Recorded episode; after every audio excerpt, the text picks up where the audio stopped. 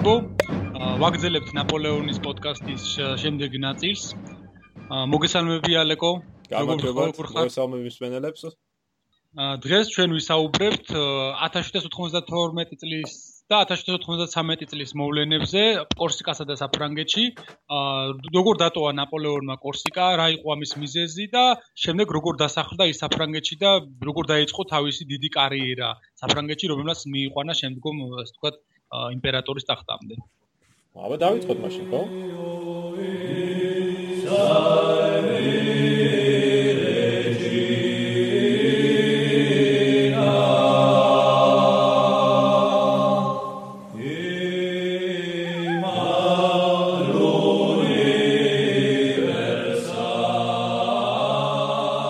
ბოლო პოდკასტში ჩვენ საუბრობდით ნაპოლეონის ყოფნაზე კორსიკაზე და თუ როგორც შეძლო მან კორსიკული ეროვნული გვარდიის ჩამოყალიბების პროცესში მონაწილეობის მიღება. მე ხომ აიაჩოში მოხდა შეტაკება, რომელშიც ნაპოლეონმა გამოიყენა თავისი ბატალიონი ამბოხების ჩასახშობად, უბრალოდ დემონსტრაციის ჩასახშობად. და ამის გამო პაოლიმ, ხომ უკვე მისი მოწინააღმდეგე არის და ეს პაოლისტებმა გამოიყენეს ეს მომენტი, რათა დაებეზღებინათ ნაპოლეონის სამხედრო სამინისტროში. მით უმეტეს, როგორც მენელებს ახსოვთ წინა პოდკასტიდან, ნაპოლეონი უნდა დაბრუნებულიყო თავის ქვედანაყოფში 1792 წლის 10 იანვრამდე, რაც მან არ არ გააკეთა.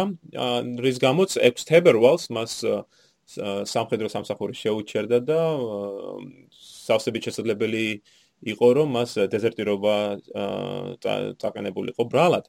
ამიტომ ეს ალბათ ესეც იქნებოდა ეს რევოლუციური პერიოდი რომ არ ყოფილიყო ალბათ დაიჯებოდა ამის გამო აუცილებლად. ხო, ნამდვილად.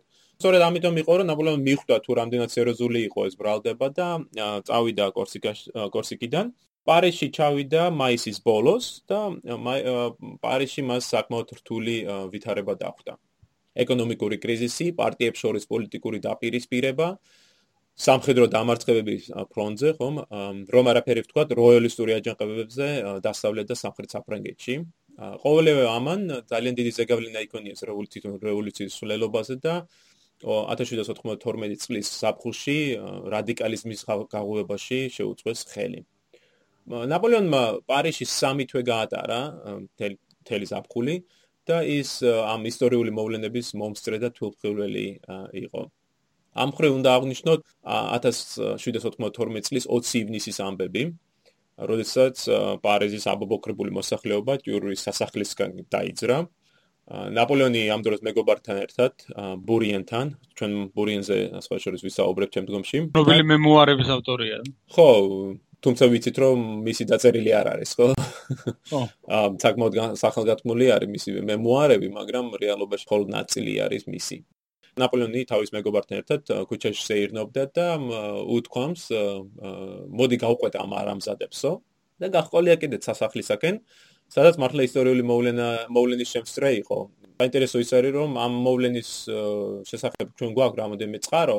ჩემთვის ერთ-ერთი საინტერესო არის ნაპოლეონის წერილი თვითონ ნაპოლეონმა დაწერა ამ მოვლენიდან ორ დღეში ანუ ერთ-ერთი საუკეთესო წყაროა თავის მასთან ჟოზეფთან და აღწერს თუ რა ხდებოდა ამ დროს პარიზში ამ ამ შეტაკების დროს და ნაპოლეონის თქმით 7-დან 8000-მდე ადამიანი შეერაღებული ნაჯახებით, ხვლებით, ცეცხლსხრო იარაღით, სარებით სამეფოს სახელისაკენ წასულა.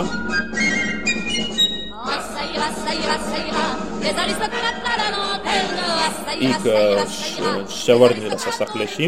გადაუთელია ობეები ჩამოუხსნია და ჩამოუტეხია კარიბჭეებით და აიძულეს მეფე გამოსულიყო გარეთ. მეფეს სპეციალისტის შესთავაზეს ორი კოკადა ერთი იყო თეთრი ფერის როგორც ბურბონების ხო სამეფო ფერი იყო და მეორე იყო სამფეროვანი ლურჯი თეთრი და წითელი და აიძულეს მას აერჩია რა უნდა და ნაპოლეონის აღწერით ხალხი ითხოვდა აერჩია რა უნდა და მას ყოფილიყო ფრანკთა მეფე და ამიტომ დაერჩია სამფეროვანი კოკარდა ან ყოფილიყო უცხოეთში გადასახლებაში ყოფი მეფე და მაშინ მან დაერჩია თეთრი. უნებრივია მეფე მაისჩია სამფეროვანი. შემდეგ მეფე იძულებული იყო თავზე დაეხურა რევოლუციის სიმბოლო წითელი ფრიგიული ჩაჩი მაზეც არ არ დაკმაყოფილდნენ ბრბოდან ვიღაცას გაუწოდი გაუწოდებია სასმელი მეფისათვის და აიძულეს მას დაელია ერის საერთო ამის შემხედვარეს ნაპოლეონს გული შეუწუხდა და უთქვამს რა ნეხვი ყოფილა მეფეო იმის მაგებრან რომ აი ეს ბრბო აქ შემოეშვა 500 500 600 კაცი ზარბაზნებით უნდა დაეხოცა და მე რეგე ნახასყვები როგორ გაიქცეოდნენო სწორედ აი ეს მომენტი არის ეს 20 ივნისის მოვლენები როდესაც ნაპოლეონს მეფისადმი ეს დამოკიდებულება ეცვლება და დღითი დღე უფრო რესპუბლიკისაკენ იხრება. ნაპოლეონი ჯერ კიდევ პარიზში იყო როდესაც 10 აგვისტოს მოვლენები მოხდა 10 აგვისტოს რომელიც როგორც წინა პოდკასტში აღნიშნეთ სამეფო დინასტიის დამხობით დასრულდა. მოვლენებზეც გვაქვს ძალიან საინტერესო წყარო, თვითონ ნაპოლეონის მოგონებები და ასევე წერილები. და ის აღწერს, რომ 10 აგვისტოსაც თავის მეგობართან იყო რუდემელ, ერთი კეთრი ქუჩა არის და იქ სასტუმროში იყო. და გადაწყვიტა გაწასულიყო თავის მეორე მეგობართან, რომელიც პლაზ დუ კარუსელ კარუსელის მოედანზე ცხოვრობდა.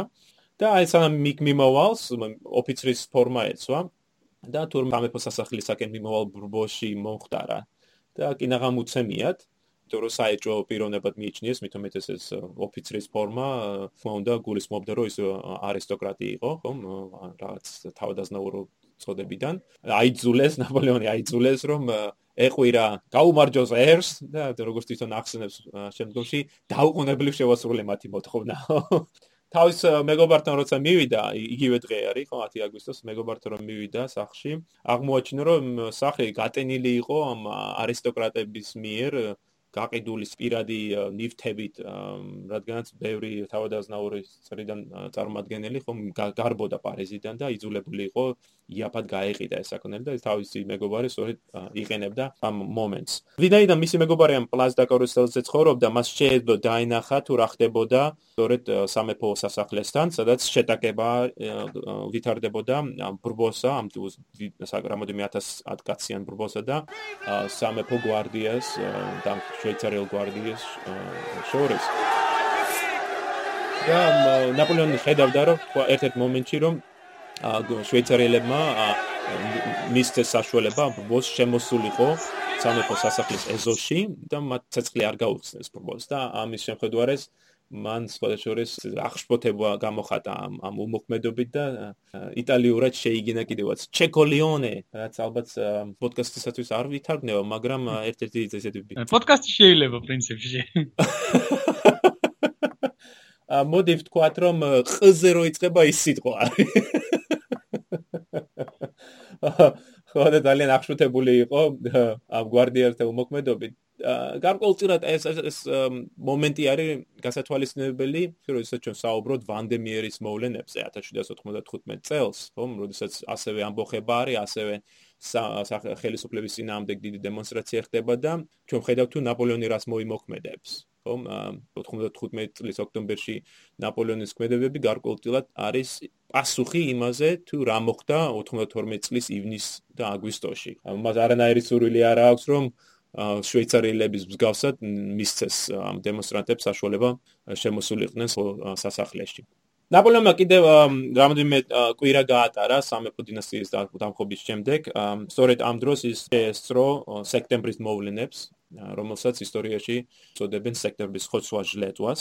ხდებოდა სექტემბრის პირველ კვირას, როდესაც როიალისტული აჯანყებებით, ქვეყნის შიდა არეულობით, ფრონტზე წარუმატებლობით გაწოფებული ხალხი ციხეებში შევარდნილა პარიზში და გამოუთრევია რამოდენიმე ასეული ადამიანი მსჯავრდებული ადამიანი და ყოველგვარი გასამართლების garaში ქუჩა ქუჩაშივე დახოცა სასტიკად. სწორედ ამ პერიოდში ცნობილი რევოლუციონერი პოლ მარატი ხო მოსახლეობას მოღალატეთა ჟლეტვისაკენ მოუწოდებს და იმასაც ამბობს რომ 100000-მდე ადამიანი უნდა გავჟუჟოთ რომ საფრანგეთი გადარჩესო.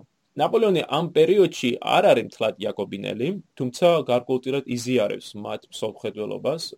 შემდგომში მაგალითად პერის დროსაც ის აღიარებს, რომ ამ დროს უფრო იაკობინელებისგან იხრებოდა, თუმცა თლად არ იზიარებდა იმედებს, რომელსაც იაკობინელები იყენებდნენ. ჩვენ Facebook-ის გვერდზე ერთ-ერთმა მოსმენელმა დასვა კითხვა თუ ნაპოლეონს რა ურთიერთობა ჰქონდა თავის მეგობრებთან თუ მოწინააღმდეგეებთან. აქ მინდა აღნიშნო, რომ რობისპიერის ოჯახის ოჯახისათვის სპეციალურად ნაპოლეონმა დიდი ამაგი გამოიღო და პენსია დაუნიშნა მის ოჯახის წევრებს და ბერის არსებობის დროს ორი რობისპიერის ოჯახს ინახავდა ნაპოლეონი. პრინციპში მისი ძმის მეგობარი იყო ამ 93 წელს. დიახ, აი ზუსტად ხო. ხო, ზუსტად მე მე ამ აუგუსტენ რობისპიერს მე უყლიყავდა და ახალგაზრდა ქალიშვილი და როდესაც აუგუსტენი დაისაჯა ხო სიკვდილით 94 წლის ზაფხულს ნაპოლეონმა მის კრივს 7200 ფრანკის პენსია დაუნიშნა და შვილს ამ ქალიშვილს კიდე დამატებით 1800 ფრანკს უხდიდა. მოკლედ ტემპერშივე ნაპოლეონმა მოითხოვა კლავ შვებულება. ჩვენ უკვე აღნიშნეთ ხო, რომ წინა პოდკასტში რომ 39 თვიდან 35 თვე ნაპოლეონმა შვებულებაში გაატარა, ასე რომ გასაკვირი არ არის რომ ეხლაც მოითხოვა ამ შვებულება. უფრო ხედავდა რა სიტუაციაც იყო და როცა ა ფიქრობდა ალბათ რომ არაფერი საჯელი ამაზე არ იქნებოდა და შესაბამისად იქცეოდა, თორემ ალბათ მეფის პერიოდში წააგდებინებდნენ თავს. აქ ისიც არის აღსანიშნავი, რომ ივლისში, 92 წლის ივლისში ნაპოლეონმა ახალი წოდება კაპიტნობა მიიღო. ხელშორის კაპიტნობის სიგელს აწერს ხელსაწერს ლუი მე-16, რაც მისი ერთ-ერთი ყველა ალბათ უკანასკნელი ხელმოწერა იქნებოდა. ისიც არის აღსანიშნავი, რომ ნაპოლეონმა რომ მიიღო ეს კაპიტნობა, რომელიც ათარიღებული იყო ერთი წლით ადრე, მას შესაბამისად ეკუთვნოდა ერთი წლის ხელფასი, ანუ ნაპოლეონის გაჭირვებული ყოფის გათვალისწინებით ეს ძალიან სასიხარულო ამბავი იყო. მაგრამ აი როგორც ჩვენ აღნიშნე ნიკა, ხო, ამ არეულ პერიოდში ნაპოლეონს სურს კიდევ უფრო გამოიყენოს მომენტი, ბრუნდება სამხედრო სამინისტროში და სთხოვს იქნებ კაპიტნობის მაგივრად პოდპოლკოვნიკობა მომცეთო და რატო კი მარაო და იმიტომ რომ კორსიკულ ეროვნულ გვარდიაში პოდპოლკოვნიკი ვიყავიო. აა მოკლედ მის მოხსენებას, რომელიც დღემდე არის სამხედრო არქივში შენახული, პასუხი არ მოყვა, ზედ მხოლოდ პატარა მინაწერი აქვს, პასუხის ღირსი არ არის. ასე რომ ვიღაცა ალბათ ღრმად ჩაეgaeცინა სამხედრო სამინისტროში ამ მოთხოვნის წაკისვლისას. 92 წლის ოქტომბერში, ოქტომბრის შუა რიცხვებში, ნაპოლეონი ბრუნდება აიაჩეში. ბრუნდება და სხვა შორის ისევ ხდება ეროვნული კორსიკის ეროვნულ გვარდიაში პოდპოლკოვნიკ პოდპოლკოვნიკი რაც არ იყო მთლად დაშვებული იმის გათვალისწინებით რომ ის თავის ხო საარტილერიო პოლკში კაპიტნად ირიცხებოდა. ანუ აი სწორედ კიდევ ერთხელ იყენებს ამ არეულ პერიოდს რომ ფრანგულ რეგულარულ ჯარში ხომ იყოს კაპიტანი და ამავე დროს კორსიკელ ეროვნულ გვარდიაში იყოს პოდპოლკოვნიკი ეს პერიოდი იმითაც არის აღსანიშნავი რომ ჩვენ ვხედავთ თუ როგორ გარდაიცევა ნაპოლეონი კორსიკელი პატრიოტიდან საფრანგეთის მომხრე რევოლუციონერად. სწორედ ამ ჩასვლაზე აშკარად იკვეთება თუ რამდენად განსხვავებული მიდგომა აქვს ნაპოლეონს სხვებისგან, თანამემობლებისაგან. ის დღითი დღე ტოვებს თავის კორსიკულ პატრიოტიზმს და უფრო და უფრო ემხრობა იმ აზრს, რომ კორსიკის მომავალი საფრანგეთში არის.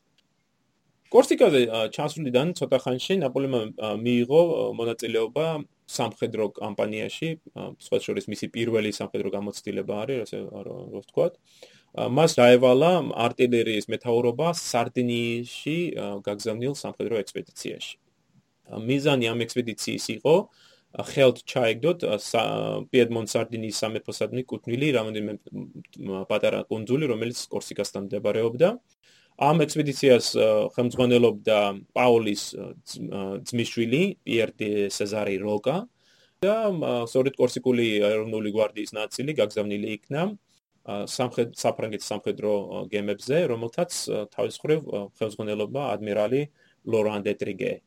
ექსპედიციამ კორსიკიდან 18 თებერვალს გაემგზავრა ხუთი დღის შემდეგ 23 თებერვალს სან-სტეფანოს კუნძულზე უკვე გადასხდა ექსპედიციის ნაწილი, მათ შორის ნაპოლეონის ქვედანაყოფიც.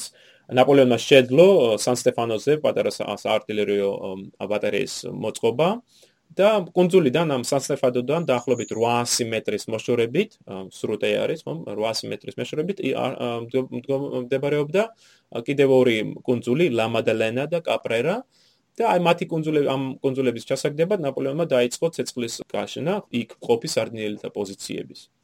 და მან სხვა საკმაოდ წარმატებით გაართვა ამ ამ დავალებას თავი, მაგრამ დეროკამ, ხო, პაულის მიშულმა გადაწყვიტა რომ ჯარების გაგზავნა და გადასხმა ამ კონძულებზე მიზანშესწორნელი აიყო და ამიტომ უკან გაიწვია მთელი ექსპედიცია.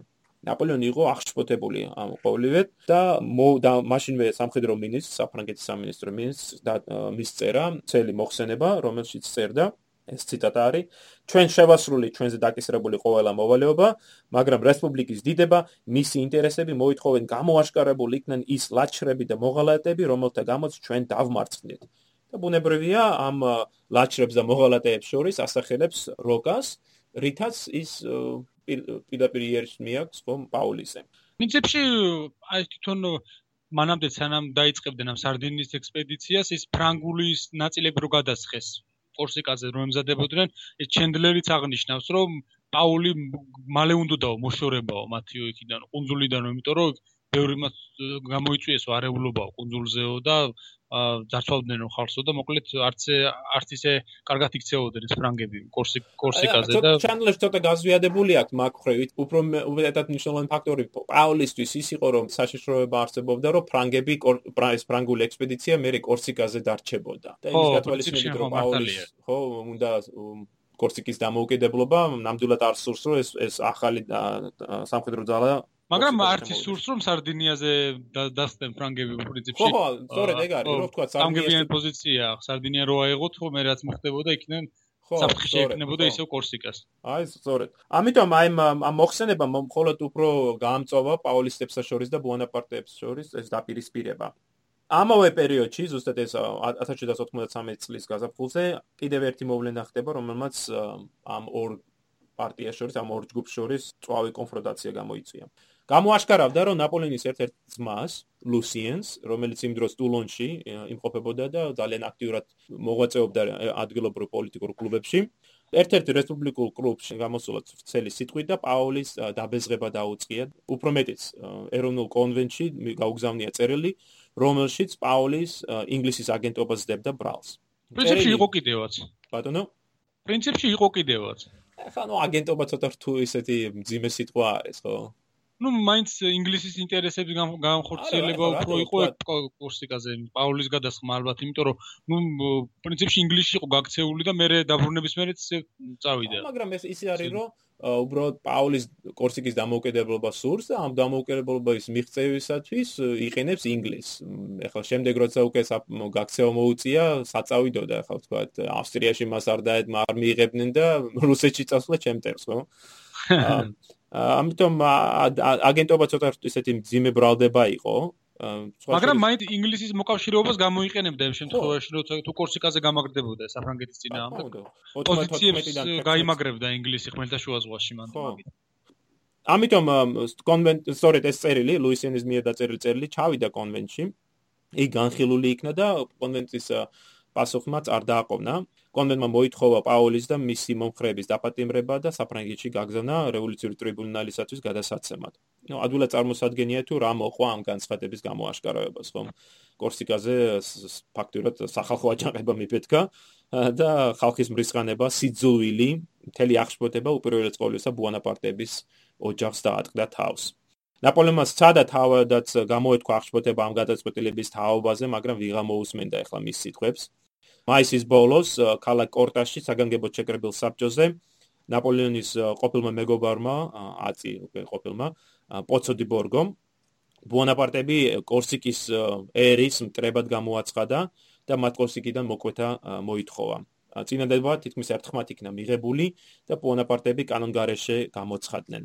დაიწყო დევნა, ნამდვილი ნადირობა ბონაპარტეებზე, რომელთაც საკუთარის თავის გადარჩენაზე უნდა ეფიქრათ. ნაპოლეონმა შეძლო და ერთგული კაცის ხელით თავის ოჯახს დედამის მოკლე შეტყობინება გაუგზავნა. დედა მოემზადა ეს ქვეყანა ჩვენთვის აღარ არსებობსო. შემდეგ ბონაპარტი აიაჩოდან გაქცევას ცდილობს ბასტიაში უნდა და ჩასულიყო, სადაც მას სალიჩეტი, ჩვენ წინა პოდკასტში ვისაუბრეთ სალიჩეტიზე, სადაც მას ამ სალიჩეტის ფარულობის ქვეშ ყოფნა უნდა და მისი გაქცევა სამედაც საინტერესოა თითქოს სათავგადასავლო რომანს წააგავს.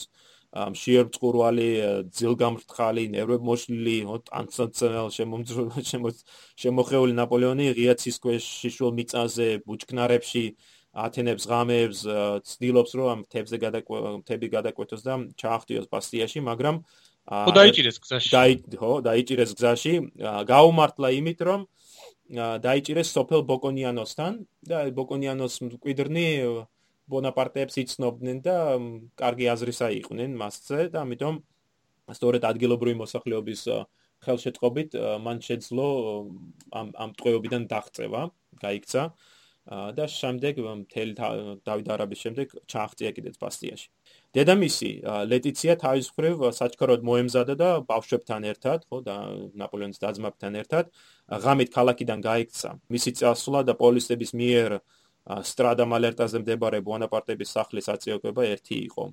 პაულისტებმა აჩეხეს ბონაპარტების ვენახი, დაწვეს და გააპარტახეს მათი კარმიდამო და იმას განანობდნენ, რომ აი საწულო ოჯახმა მათ ხელებიდან გასხდომა შეძლო. ივნისის დასაწყისში ნაპოლეონი და მისი ოჯახი უკვე ბასტიაში იყვნენ და მათ გადაწყვიტეს საფრანგეთში წასულიყო. ეს მომენტი 11 ივნისი, როდესაც მათ სკორსიკიდან გამგზავრება დაიწყეს, ნაპოლეონის ცხოვრების კორსიკულ ხანას ასრულებს. კაპიტანი ბუონაპარტე კლავ საფრანგეთში ბრუნდება, ხოლო მისი ბავშვობის ოცნების ქვეყანა კი შორს ზღვის გაღმა რჩება. გარკვეულწილად ნაპოლეონისათვის ეს ეს არის მომენტი აი თავის ცხოვრების შეფასების, შედეგების, შეჯამების, ილუზიების, იმედების, ოცნებების დასრულების მომენტი არის. თითქმის 5 წელი იბრძოდა თავის კორსიკაზე რევოლუციური რეფორმების გასატარებლად და ყოველივე ეს მარცხი დასრულდა.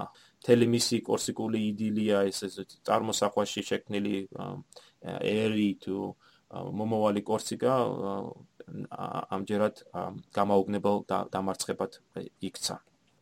მაგრამ საქმე მხოლოდ ოცნებების იმედების ხრევაში არ იყო. ნაპოლეონის მიერ გადატანილი ტრაგედია იმაში მდგომარეობდა, რომ ყველაზე მწარე მოუშვებელი დარტყმა მან მიიღო იმ იმ ადამიანებისაგან, ვისაც ადრე აღმერთებდა და ეთაყვანებოდა. 1799 წელს ნაპოლეონი თავის გმირად სწორედ პაოლის ასახელებს, ხომ? გარკვეულწილად აღმერთებდა კიდევაც მას. 93 წელს კი, როდესაც ბონაპარტე ნადირივი ტყეში დახეტიელებს და მასზე მასზე სწორედ პაოლის ხალხი ნადირობს, ხო? თავის ირგვლივ ნაპოლეონი მხოლოდ მტრებს ხედავს, რომელთანაც მისი დაჭერა და სავარაუდოდ მოკლაც წყუროდა. ცხოვრების ამ კას გამოცდაში ნაპოლეონი სხვა ადამიანად იქცა. იდეალიზმი, ახალგაზრდული ახტაცება, მიამიტობა თუ ოცნებები უყოლოდ გაქრა და იგი უფრო ფხიზელი პრაქტიკული გახდა. ნაკლებად ენდობოდა ხალს, უფრო დიდი ეჭვის თვალით უყურებდა მის ირგვლივ ადამიანებს. ამ ახალგაზრდამ სწორედ ეს 24 წლის ასაკში დიდი სულიერი ტრავმა განიცადა, მაგრამ ცხოვრებისაგან მიღებულ დარტყმებს არ შეუდრკა, არ დანებდა პირიქით, გაკაშდა კიდეც. აბა ისი ნაპოლეონი იყო რა. კაპიტანი ბუანაპარტე, რომელიც აა ეხლა 93 წლის კორსიკი 93 წლის ივნისში კორსიკიდან მირბის სრულიად არ გავს ამავე კონძულზე 99 წელს ჩამოსული იმედებით ახსა ზე ახალგაზრდა ლეიტენანტს ამ დროისათვის მდგომარეობა საფრანგეთის ამ ფრონტებზე, რომელიც დაიწყო ომი თავიდან როდესაც რევოლუცია დაუპირისპირდა პრუსია-ავსტრიის ჯარები ბრაუნშვაიგის hercogs მეთაურობით, ეს ომი გაგრძელდა, ფრანგებმა საზღვარგარეთაც კი გაიტანეს.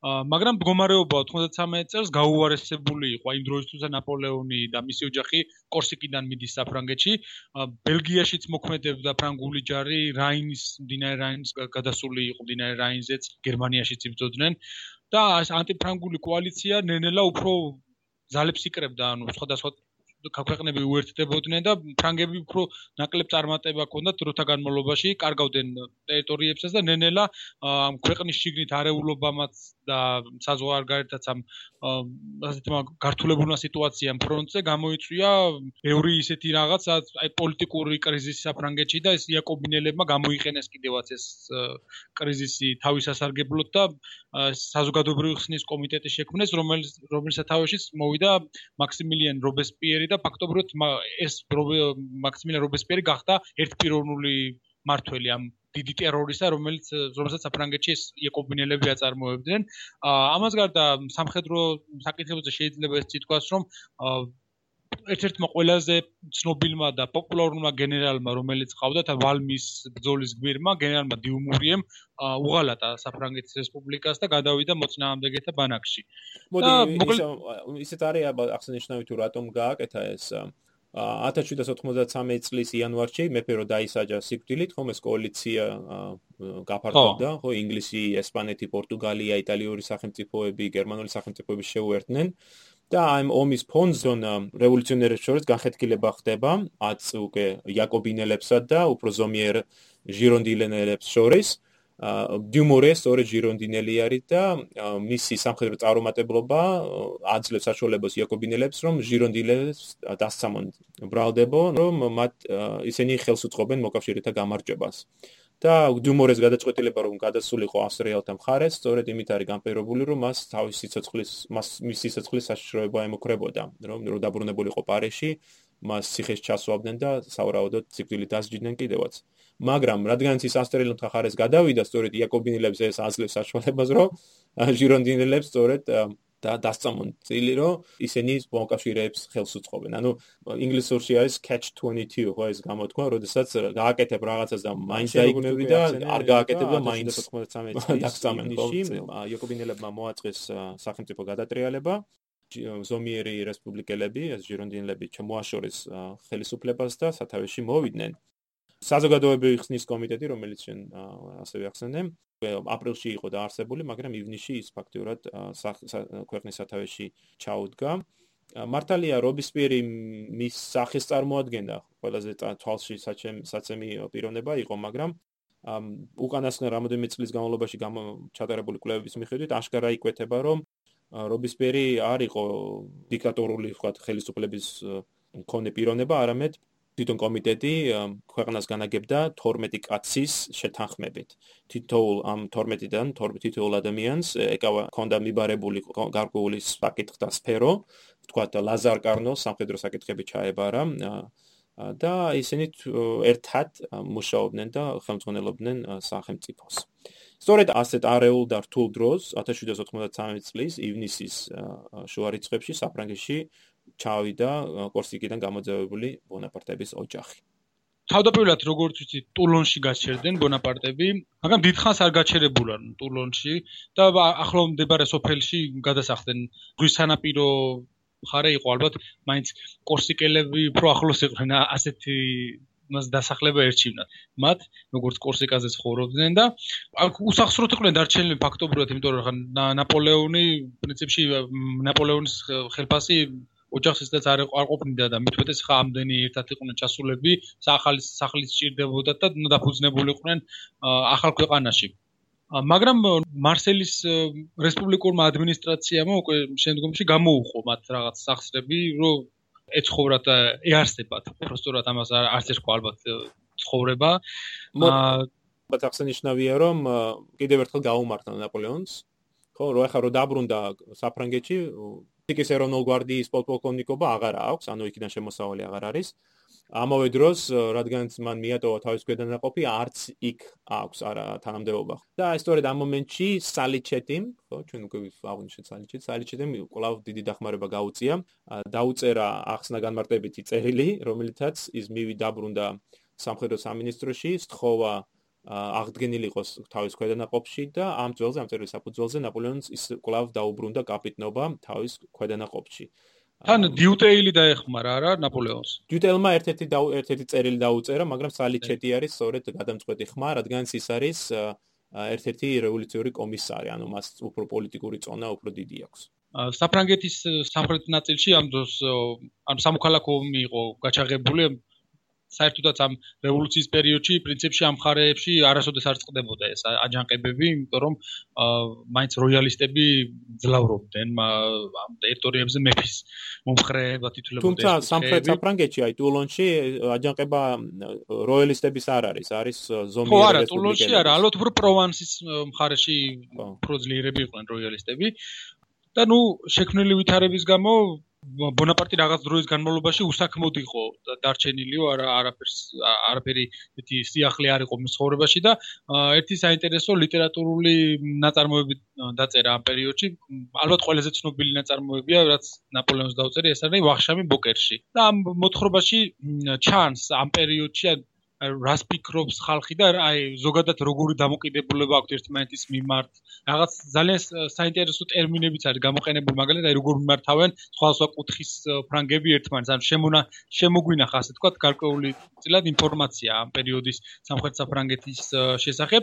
და საინტერესო მოთხრობად ჩაითვალა ეს იაკობინელებმა მოუწოდა. მოდი აღნიშნო რომ თვითონ ეს ეს მოთხრობა არის დაუბარი ხო საუბარი სადაც ხო ხო დუკანში იმართება საუბარი ვახშამი. ხო არის ვახშამი რომელსაც ესწრება ოფიცერი ორი ვაჭარი მარსელიდან ორი მოქალაქე მონპელიედან და ნიმიდან მდებარე ქალაქებიდან არის და ამ სამ ვახშამის დროს ოფიცერი ეს რევოლუციური ჯარის ოფიცერი რომელშიც თქმა უნდა ნაპოლეონი იგულისხმება საუბრობს თუ რამდენად საჭირო არის ტერორი, რამდენად საჭირო არის რადიკალური ღონისძიებები და ამართლებს იაკობინური ხელისუფლების მიერ ჩატარებულ რეპრესიებს. ციგნის ამ ციგნის გამოცემამ დიდი როლი თამაშა ნაპოლეონის ცხოვრებაში. სწორედ ამ დროს მას ყურადღება მიაქცია რობის მაქსიმილიან რობისპიერის უცროსმა ძმამ, ოგუსტენ რობისპიერმა და მათ შორის ეს მეგობრობა დაიწყო, რომ რომლის გამოც ნაპოლეონი ნაპოლეონის შეიძლება გადასულიყო ქალაქ ტულონთან მდებარე რევოლუციურ არმიაში, რომელსაც სათავეში ედგა გენერალი კარტო, ჟან ფრანსუა კარტო. საკმაოდ წარმატებული ხატვარი, ხო? ხატვარი და პრინციპში სამხედრო კარიერაც იმის ფონზე რომ არც სამხედრო საქმე ესმოდა და არც დიდი გამოცდილება არ ქონდა, პრინციპში რამდენიმე თვეში დაბალი წოდებიდან ავიდა გენერლის წოდებას მიაღწია და ერთ-ერთ თავარ არმიას მეთაურობდა, რომელსაც ეს ესეთი მნიშვნელოვანი ქალაქის აღება დაევალა, შემდგომში ტულონის აღება, პრინციპში ხმელთაშუა ზღვაში საფრანგეთის მთავარი პორტი იყო და საფრანგეთის ფლოტის ძირითადი ხომალდებიც ამ პორტში იდგნენ და მის დაკარგვით ბევრს დაკარგავდა რესპუბლიკა. მოდი მოდი აბა დაუხსნა ჩვენ მსმენელებს თუ რა ხდება ამ პერიოდში. ჩვენ აღნიშნეთ რომ 1793 წლის ივნისში რადიკალ იაკობინელებსა და ზომიერ რევოლუციონერებს შორის მოხდა შეტაკება, რის შედეგადაც იაკობინელებმა ხელში ჩაიგდეს ხელისუფლება. გადარჩენილი ზომიერ რევოლუციონერები, ჟირონდინელები გაიქცნენ საფრანგეთის სხვა სხვა კუთხეში და ერთ-ერთი მათი ჩავიდა სწორედ მარსელში და ტულონში, სადაც მათ იაკობინელ ხელისუფლების წინამდებ ამბოხება წამოიწყეს. ანუ ეს არ არის თლად როიალისტური ამბოხება, არის უფრო ზომიერი რევოლუციონერების ამბოხება.